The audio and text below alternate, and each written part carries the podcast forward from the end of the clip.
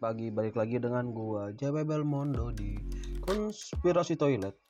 Nah, udah lama gua nggak ngisi uh, channel anchor gua ya, atau mungkin yang dengar dari Spotify udah lama gua nggak uh, ngisi uh, kanal gua. Apa sih sebenarnya sebutannya kanal, channel, uh, media. Gua ada banyak hal yang terjadi dan gua baru ngisi lagi. Uh, sebenarnya sih jatuhnya kepada gua um, menyesuaikan jenis konten ya sama waktu sama waktu gua ngupdate. Karena biasanya tengah malam ya.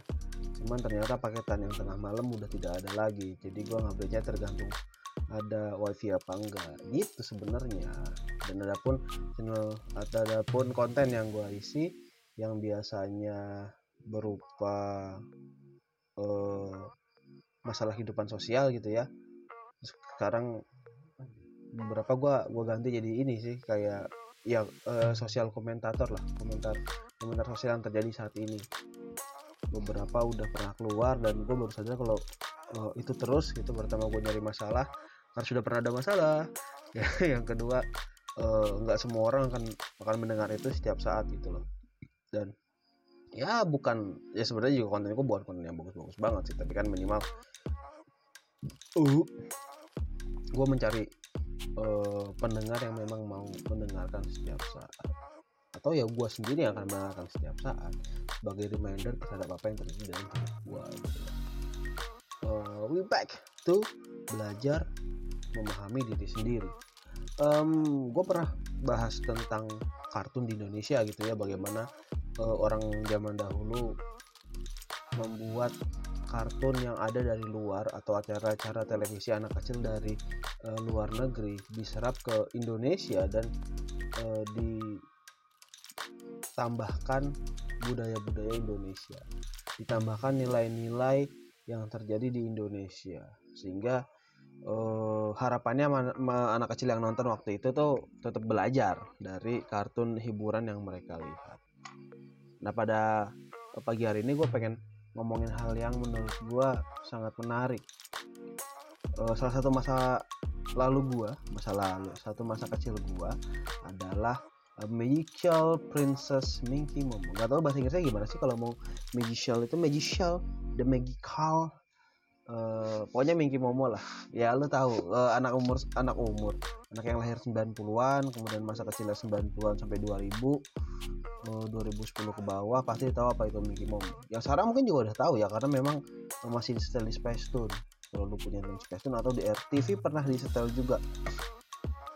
Uh, kenapa gue pengen ngomongin masalah Mickey Momo? Jadi gue baru nonton video tentang uh, endingnya Mickey Momo dan tiba-tiba uh, masa lalu kelam itu mulai masuk lagi dalam otakku ya. Dan akhirnya kayak ya, biasa lah orang penasaran kan yang cek gitu ya. Cek dan gue baru sadar bahwa ada uh, suatu tema besar yang ada dalam Mickey Momo yang saat kecil gue nggak paham. Dan ini menjadi suatu uh, pemasukan atau suatu uh, brainstorm bagi gue gitu ya. Tentang uh, sebenarnya Mickey Momo itu apa sih dan kenapa dan kenapa orang anak kecil ya waktu itu yang menonton Mickey Momo itu bisa dibilang ikut mendapatkan uh, faedah dari seorang Mickey Momo atau dari dari kartun ini. Nah bagi lo yang nggak tahu Mickey Momo itu adalah uh, kartun yang uh, pada dasarnya ditayangkan di televisi Jepang pada 1982 dan 1991. Jadi ada ada gap gitu loh. Uh, dia juga ada ini ada seri baru lagi tahun 2004 kemudian tahun 2006 juga dibuat seri lagi. Sedangkan 2009 itu dibuat lagi tapi uh, gagal karena satu hal di Jepang. Yang di Indonesia itu mulai uh, tayang dari 1991 atau 1992 gue lupa.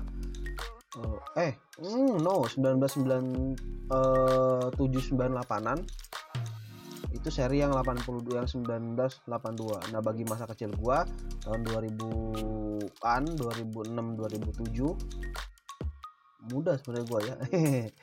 Yang yang enggak lah 2005 67 gitu kan 567 itu Mickey Momo yang 1982 dan 1991 karena ya zaman dari dulu Indonesia kalau nyetel kartun pasti ngacak gitu ya.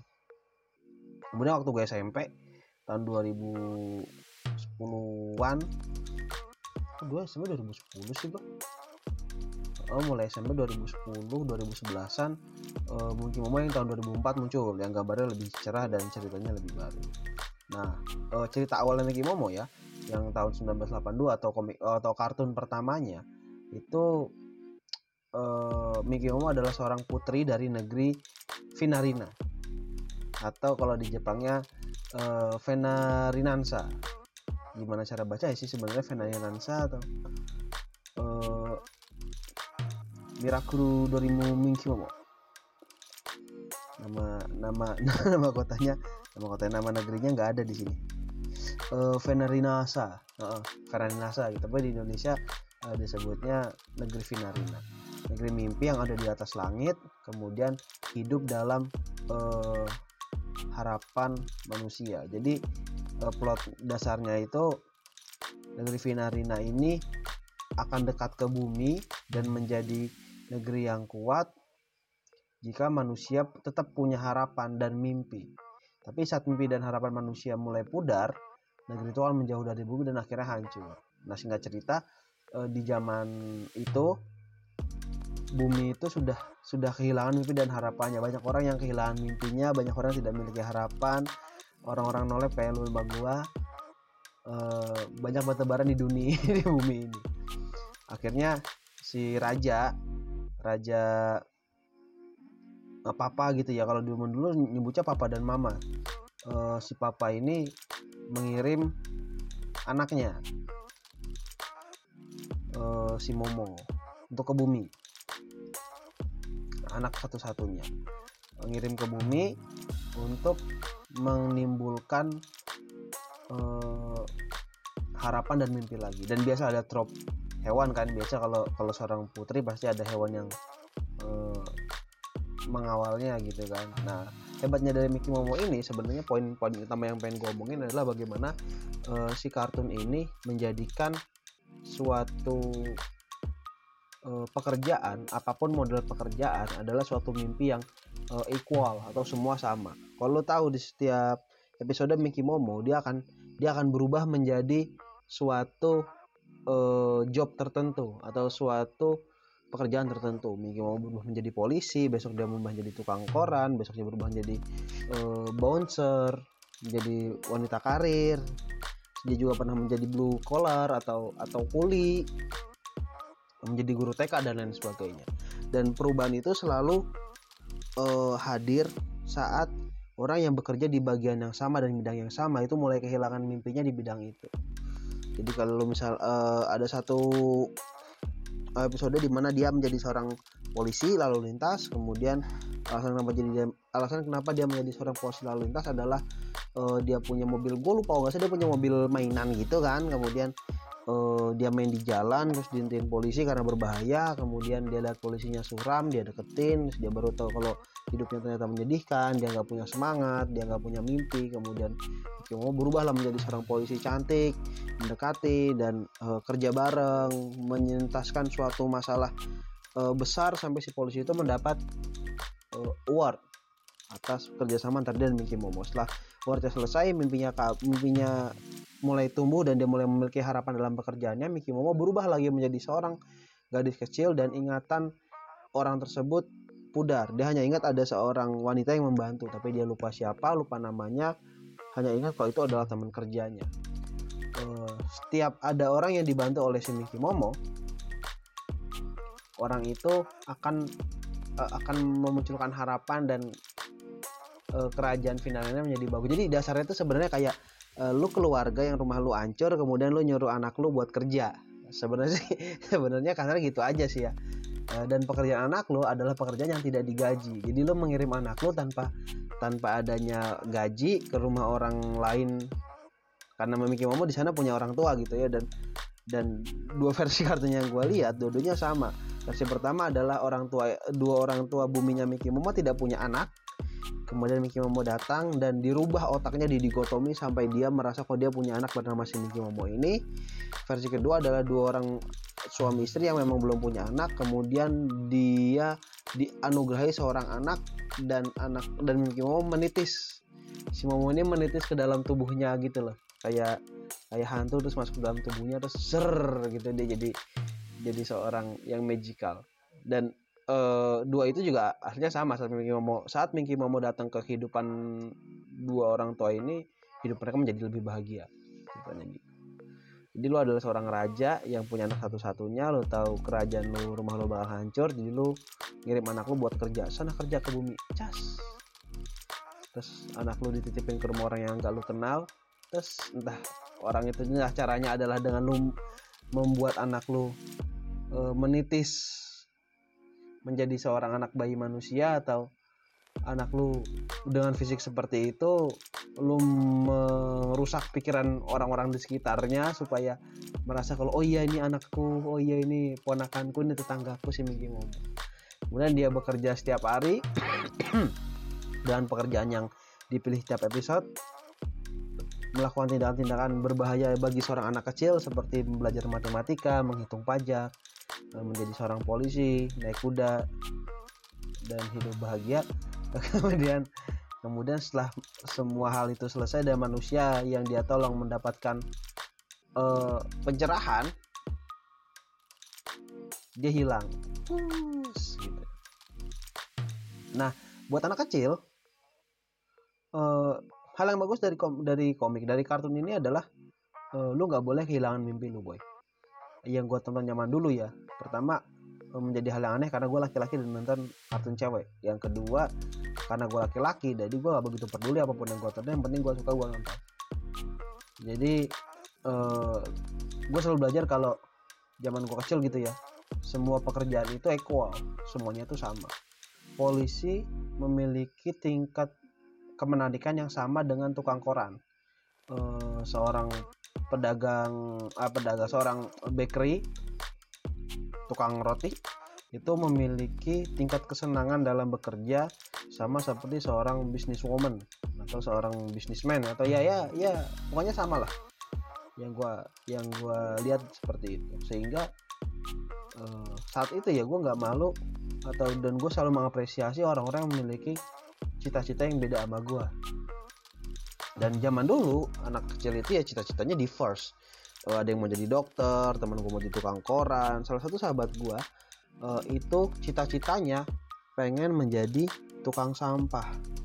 Bukan visi tapi ya dia beneran pengen jadi pengen jadi tukang sampah. Dengan alasan yang simpel karena dia suka ngeliat tukang sampah ada di atas gundukan sampah gitu. Dia suka naik truk. Dasarnya dia suka naik truk terus dia melihat oh tukang sampah naik truk dia juga mau naik truk gitu. Ada teman gue yang cita-citanya pengen jadi tukang nasi goreng dan ada teman gue yang cita-citanya pengen jadi polisi. Dan setelah atau terbiasa dengan mimpi momo gue merasa kalau uh, itu adalah hal yang harus diapresiasi. Mereka ingin karena mereka menilai sesuatu dari mata yang tidak kita lihat. Dalam banget gitu ya. Tapi setelah dewasa gue mulai paham ada ada hal lain dari dari dari kartun Minky Momo itu. Dan hal lain itu adalah bagaimana lu sebagai seorang manusia memberikan bantuan terhadap manusia lain. Oke itu mungkin mungkin hal yang obviously gitu ya hal yang hal yang ya udah memang memang harus seperti itu sebagai manusia. Oh, anak kecil juga bakal seperti itu. Tapi kalau melihat dari sudut pandang kalau gue melihat sekarang sudut pandang gue sebagai orang yang udah udah punya umur gitu ya yang lebih tua daripada gue yang dulu gue melihat kalau lo sebagai seorang manusia gitu kan terkait uh, ke kebatasan lo terbatasan lo apa pun apa pun keterbatasan lo itu lo harus punya mimpi lo harus punya cita-cita. Dan sedepresi apa pun hidup karena karena lo tau gini di di setiap seri di Minky Momo setiap orang yang Minky Momo bantu itu dulunya adalah orang yang punya mimpi dulunya ada orang yang sangat termotivasi akan hidupnya. Kemudian sepanjang perjalanan hidupnya makin suram makin suram makin suram. Kemudian ya dia hanya bekerja sekedarnya dan atau malah berusaha bunuh diri. Dan oh nanti nanti gue bakal ke sana ada ada bagian yang gelap di minggu ini. Uh, ya dan itu hidup gitu loh. Hidup yang itu yang gue pelajari saat gue udah mulai uh, rada tua. Kalau lu ada satu titik di mana lu bakal termotivasi untuk melakukan sesuatu dan ada titik di mana lu akan merasakan kejenuhan yang dalam. Dan lebih parah lagi akan ada titik di mana lu merasa semua harapan dan cita-cita lu masa lalu itu hilang. Dan ya mungkin mungkin sebenarnya ya sebenarnya mungkin lo butuh seorang Miki Momo di hidup lo gitu loh Eh, sama seperti Miki Momo yang setelah membantu hilang kemudian orang yang dibantu lupa ingatan tentang siapa Momo dan apa yang dia lakukan ya mungkin kita butuh Miki Momo di kehidupan kita. Mungkin kita butuh orang yang tiba-tiba nggak kenal terus ngebantu kita terus bantuan yang sangat besar sampai tadi di mana kita lupa siapa yang bantu tapi kita ingat sebesar apa bantuan itu gitu loh ya mungkin mungkin terdengar kayak lu kan kurang ajar banget sih dibantu nggak inget siapa yang bantu? Ya tapi ya itu ya itu itu yang mungkin yang kita butuh yang mungkin ya kita butuhkan sekarang. Karena memang memang kalau lu lihat dari dari dunia yang kita hidup saat saat ini ya masih butuh gak sih kita orang yang eh, masih butuh kita masih butuh tahu gak sih siapa yang bantu kita untuk untuk momen seperti ini gitu loh kalau lu bilang masih lah untuk balas budi. It that's the point. Saat lu menjadi orang yang sangat depres lu gak akan pernah berpikir masalah balas budi. Tolongan pertolongan satu butuh butuh banget pertolongan e, berpikir balas budi itu setelah lu hilang. Dan itu yang semua itu yang terjadi di semua seri di Miki Momo ya. Saat orang yang ditolong sudah mulai bahagia dia akan mencari si Momo ini. Tapi saat dia mencari Momo dia lupa siapa Momo dan bagaimana. Momo dia cuma ingat kalau Momo adalah teman sejawatnya atau orang yang lewat atau suatu uh, profesi tertentu yang yang menurut dia random terus dia berterima kasih pada hatinya. Gitu loh. Dan mungkin kita harus menjadi seorang Momo harus menjadi orang yang yang ngebantu dan tanpa pamrih yang ngebantu dan dan nggak peduli reward apa yang kita dapatkan mungkin juga seperti seperti itu. Cuman yang bagus bagi gue adalah kenapa kok sebagai gue bisa lihat Mangkumo sebagai orang dewasa ya. Karena Mickey Momo ini punya punya uh, tragedi. Dan jarang di uh, sebutkan gitu loh uh, tragedinya si Mickey Momo ini. Dan tragedi itu uh, adalah episode terakhir uh, dari Mickey Momo di episode ke 46 Wih 46 48 itu episode terakhir Mickey Momo ya. Dan menjadi satu tragedi karena karena waktu itu waktu itu sangat sangat sangat besar sekali. Uh, masalah yang terjadi gitu loh di di film Mickey Momo ini. Uh, singkat cerita uh, episode terakhir Mickey Momo itu plot twist. Kenapa? Karena oh sorry iya episode 46 uh, di kok di kartun yang seri pertama yang 1986 ya itu itu menuai banyak kontroversi karena bahkan di Jepang sendiri itu dilarang. Di Amerika dilarang 1983 deh mau 86 1983 dilarang. Dan uh, penulis animator dan seluruh tim dipaksa untuk membuat ending baru. Menjadi suatu mungkin mungkin pertama kali ya. Ini ini adalah kartun pertama dan pengawal dari banyak kartun yang endingnya dirubah-rubah seperti Eureka Seven uh, beberapa kartun lainnya yang, dirubah gue gak paham gitu ya. Cuman gue tahu Eureka Seven doang dan setahu gue sih emang rada banyak. Ini mungkin jadi yang pertama. Kenapa dirubah? Karena episode 46 episode terakhir Mickey Momo itu adalah episode di mana Mickey Momo itu digambarkan meninggal ditabrak truk pengangkut mainan saat berusaha menyelamati atau menyelamatkan seorang anak kecil. Dia meninggal tanpa kekuatan supernya, jadi dia nggak sempat berubah menjadi uh, jobnya itu dia lihat anak kecil nyebrang main-main main di tengah jalan ada truk itu terus sama dia didorong terus oh, truknya banting setir ngeliat dia terus ditabrak mau mati. Dan dan ya saat mau mati dikubur gitu kan. Terus uh, orang tuanya orang tua aslinya gitu ya di negeri Vinarina itu uh, menjadikan kematian Momo sebagai harapan baru. Jadi kayak anaknya mati terus uh, diambil lagi harapannya kemudian orang tua Momo itu dilupakan lagi lupa lagi gitu. Dan dan jadi dark banget. Darknya menjadi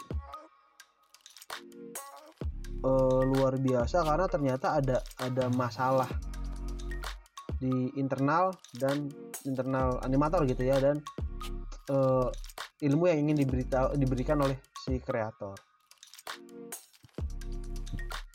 Nah ini gue baca dari nawalakarsa.id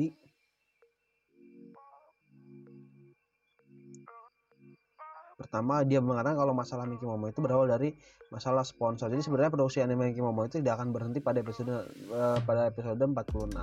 Karena awalnya produksi direncanakan selesai hingga episode 50. Uh, jadi harusnya masih ada 4 episode lagi tapi dipres ke episode 46. Alasannya karena studio produksi anime tersebut, studio uh, dulu namanya Asipro yang salah satu sponsor mereka di bidang mainan anak yakni Poppy itu ada ada komplain.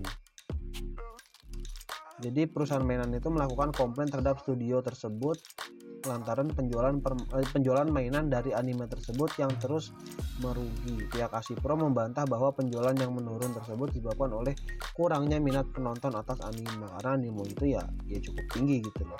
Masalahnya jumlah penonton anime tersebut meningkat dengan share tetap sebanyak 10% pada saat penayangan. Bahkan pihak stasiun televisi meminta setidaknya 13 episode tambahan karena banyak yang tertarik sekaligus menyukai acara tersebut. Maka dengan demikian, Poppy selaku sponsor saat itu menarik diri sebagai sponsor utama dalam produksi anime Minky Momo. Dan hal tersebut menyulut kemarahan pihak animator yang akhirnya membuat mereka terpaksa mengakhiri secara paksa, lebih tepatnya disebut X anime Minky Momo dengan membuat kisah tragis tersebut di episode 46. Jadi ya kasarnya uh, sponsornya yang pembuat mainan itu ngerasa kok mainannya nggak kejual terus nyalahin animator. Animator bilang kalau bukan salah kami karena kami buat dan filmnya laku bahkan diminta dari 50 13 episode lagi gitu loh. Tapi uh, sponsor nggak mau ditarik, animatornya marah. Akhirnya membunuh salah satu tokoh kecintaan masyarakat Jepang saat itu dan menjadi uh, masa lalu gue yang sangat kelam karena gue melihat wanita yang gue tonton setiap hari dan gue idolakan sebagai uh, pencoba pekerjaan mati ditabrak truk. Tambah waktu itu orang Indonesia berada dodol jadi nggak disensor langsung ditampilkan. Tapi ya nggak nggak gore juga sih sebenarnya sih gambarnya cuma ya ya gambar sekilas ya kayak sinetron lah cuman ya kalau lu nonton tiap hari seorang anak kecil dan lu mengidolakan menjadi itu gue gua gua nggak mengidolakan menjadi Mickey Momo ya. Maksudnya gue mengidolakan uh, sifatnya yang selalu menolong sebagai uh, seorang wanita sihir gitu kan. Tapi matinya tabak kereta yang ada mainannya di dalamnya itu ironis banget. Sangat ironis sekali. Nah uniknya penjualan Mickey Momo meningkat secara drastis setelah episode 46 ditayangkan. Anime yang ditayangkan pada tahun 1982 hingga 1983 akhirnya diputuskan untuk dilanjutkan meskipun episode sentilan tersebut telah ditayangkan. Nulis naskah, Takeshi Shudo bahkan nulis sebuah isai yang menyindir tindakan perusahaan mainan Poppy karena menarik diri sebagai sponsor. Esai tersebut diterbitkan dalam Out Magazine yang kini telah berhenti terbit. Mengutip dari Mike Tool Show, Sindiran keras terhadap bisnis animasi Jepang apa pun bisa dicurahkan dalam majalah tersebut dan majalah-majalah Jepang dapat eh, sorry Jepang da, pada masa kini tidak seperti itu saat jadi zaman dulu eh, penggambarannya kayak kalau lu mau nulis lu mau nulis ya terus di majalah terus majalah aman gitu loh. Nggak nggak kena masalah. Kalau sekarang udah nggak bisa. Nah Belakangan terkuak alasan mengapa penjualan mainan Mickey Momo yang menurun. Hal tersebut dikarenakan Poppy yang tidak memiliki gaya peningkatan yang menarik. Sorry, gaya pengiklanan yang menarik. Sekaligus mainan mereka yang kurang baik kualitasnya. Benci banget kayaknya lo dengar gua ngomong penuh ingus gitu ya. Mainan-mainan tersebut kini dijual di eBay dengan cakupan harga mulai dari 1 hingga 8 juta rupiah bila dikonversikan dari pound Inggris. Nah, masalahnya setelah episode itu tayang, uh, dan dilanjut Produksi setelah pasca produksi anime tersebut terus menerus menorehkan berbagai kisah tragis. Pertama-tama setelah episode ke-46, episode 47 hingga 63 memiliki struktur cerita yang lebih berbeda dari biasanya. Penulisan naskah pada episode-episode itu terlihat buruk. Tidak menarik. Pengulas anime Manhou Shoujo Review bahkan menyebut bahwa cerita kelanjutan tersebut lebih klise dari biasanya. Tiga episode terakhir difokuskan pada Momo yang melawan kejahatan Dark Shadow yang hendak mengakhiri dunia maupun kerajaan Fenalinarsa atau Fenalina sendiri. Akhirnya cerita anime tersebut akhirnya dijelaskan bahwa dunia nyata maupun mimpi telah digabungkan dan seluruh kegiatan yang telah Momo lakukan sebagai gadis penyihir tersebut sia-sia belaka. Kedua dasar ditayangkan di saat penayangan Mickey Momo, penayangan anime tersebut beberapa kali kebetulan terjadi bersamaan dengan dua kejadian gempa bumi. Gempa pertama terjadi saat musim pertama akan berakhir dan gempa kedua terjadi saat gempa bumi besar awal. Jadi ya uh, terlalu lah. Jadi banyak banyak kisah tragis setelahnya. Ya ya bukan bukan berpikir terlalu uh, kolot gitu ya tapi ya ya zaman dulu bisa saja terjadi kan orang banyak mikir kayak ah setelah ditayangin mau mati kok kayaknya susah kayak episode selanjutnya kayak maksa. Kemudian dibuat tokoh tokoh yang uh, menjadi diplotin menjadi tokoh raja terakhir tapi setelahnya ya mau bakal sia-sia. Jadi ya uh, lebih lebih sulit gitu ya. Dan ya tadi dengan gempa tadi orang-orang mulai merasa kayak sebenarnya mimpi manusia tuh mati semua. Gitu. kayaknya mimpi manusia sudah mati setelah Mouse mati. Nah, itu yang dari Jepang teman di Indonesia. Di Indonesia setelah episode itu muncul dan dan waktu itu gue nggak punya banyak teman yang bisa gue ajak ngobrol nonton Mickey Momo ya karena yang lain nonton yang lain gitu loh. Nonton acara laki-laki lain gitu kan. Uh, eh, gue bingung harus ngomong apa. Yang gue lihat adalah tokoh utamanya mati. Terus sebagai seorang anak kecil kan harus cerita ya dan mak gue kayaknya bosan banget sampai sekarang juga bosan banget denger gue ngomong. Uh, tapi besoknya muncul lagi dan ya seperti halnya kartun Indonesia pada umumnya mereka menayangkan episode secara acak. Jadi ya akhirnya nggak jadi masalah besar gitu loh. Tapi yang kita bisa ambil dari kartun ini ya uh, kadang dunia itu memang memang ya dunia yang disetting di Mickey Momo itu ya mungkin dunia kita sekarang dunia di mana mimpi lu lu nggak ya di mana nggak semua orang punya mimpi pertama. Dunia di mana uh, kita nggak punya banyak harapan. Karena ya lu tahu yang terjadi saat inilah uh, banyak cekcok ada perang covid masih lanjut gitu kan. Kita melewati tiga tahun uh, sejarah besar umat manusia. Ada covid ada perang uh, dua kali itu perangnya hampir-hampir dua kali. India Pakistan juga itu perang Cina uh, Hong Kong juga sama penindasan dan slavery juga masih ada. Jadi ya bukan bukan dunia yang uh, all all sparkly and rainbowy gitu loh. Yang kedua uh, mungkin ya sehebat-hebatnya seorang Mickey Momo gitu ya dua endingnya itu selalu dua endingnya terjadi atau berakhir sia-sia. Ending pertama ya lu mati gitu kan Mickey Momonya mati.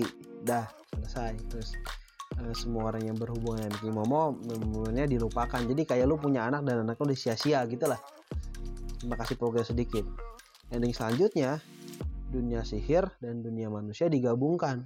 Yang berarti uh, apa pun yang terjadi yang apa yang Mickey mau melakukan sebelumnya itu sia-sia. Dan mungkin dunia juga aslinya seperti itu paling. Kalau berbuat baik ya lu pun cuma punya dua pilihan. Pilihan pertama lu gagal death. Dan kedua lu berhasil berbuat baik setiap hari tapi ya akhirnya sia-sia. Dan menjadi sangat depresif. Tapi ya gue suka. Uh, mungkin itu dulu dari gue mungkin udah udah panjang gila setengah jam. Sorry banget mengganggu waktu kalian. Uh, pagi-pagi siang-siang sore-sore malam-malam terserah lo mau uh, dengarnya kapan. Uh, gue bakal balik lagi dengan beberapa hal. Kalau lo punya uh, saran buat apa yang ingin gue omongin besok atau apa yang gue omongin selanjutnya lo bisa uh, eh, DM ke IG at JP underscore Belmondo gue mau buat IG baru cuman kayaknya ya percuma juga karena ya ya tidak ada yang mau mendengar. Nah, tapi kalau mau dengar ya lo punya saran ya. Gue sangat gue terima. Gue bukan tipe orang yang bisa ngomong banyak kalau nggak ada tema gitu ya. Jadi ya begitulah adanya. Makasih buat dengerin. Eh, selamat pagi salam indah dan semoga kalian bahagia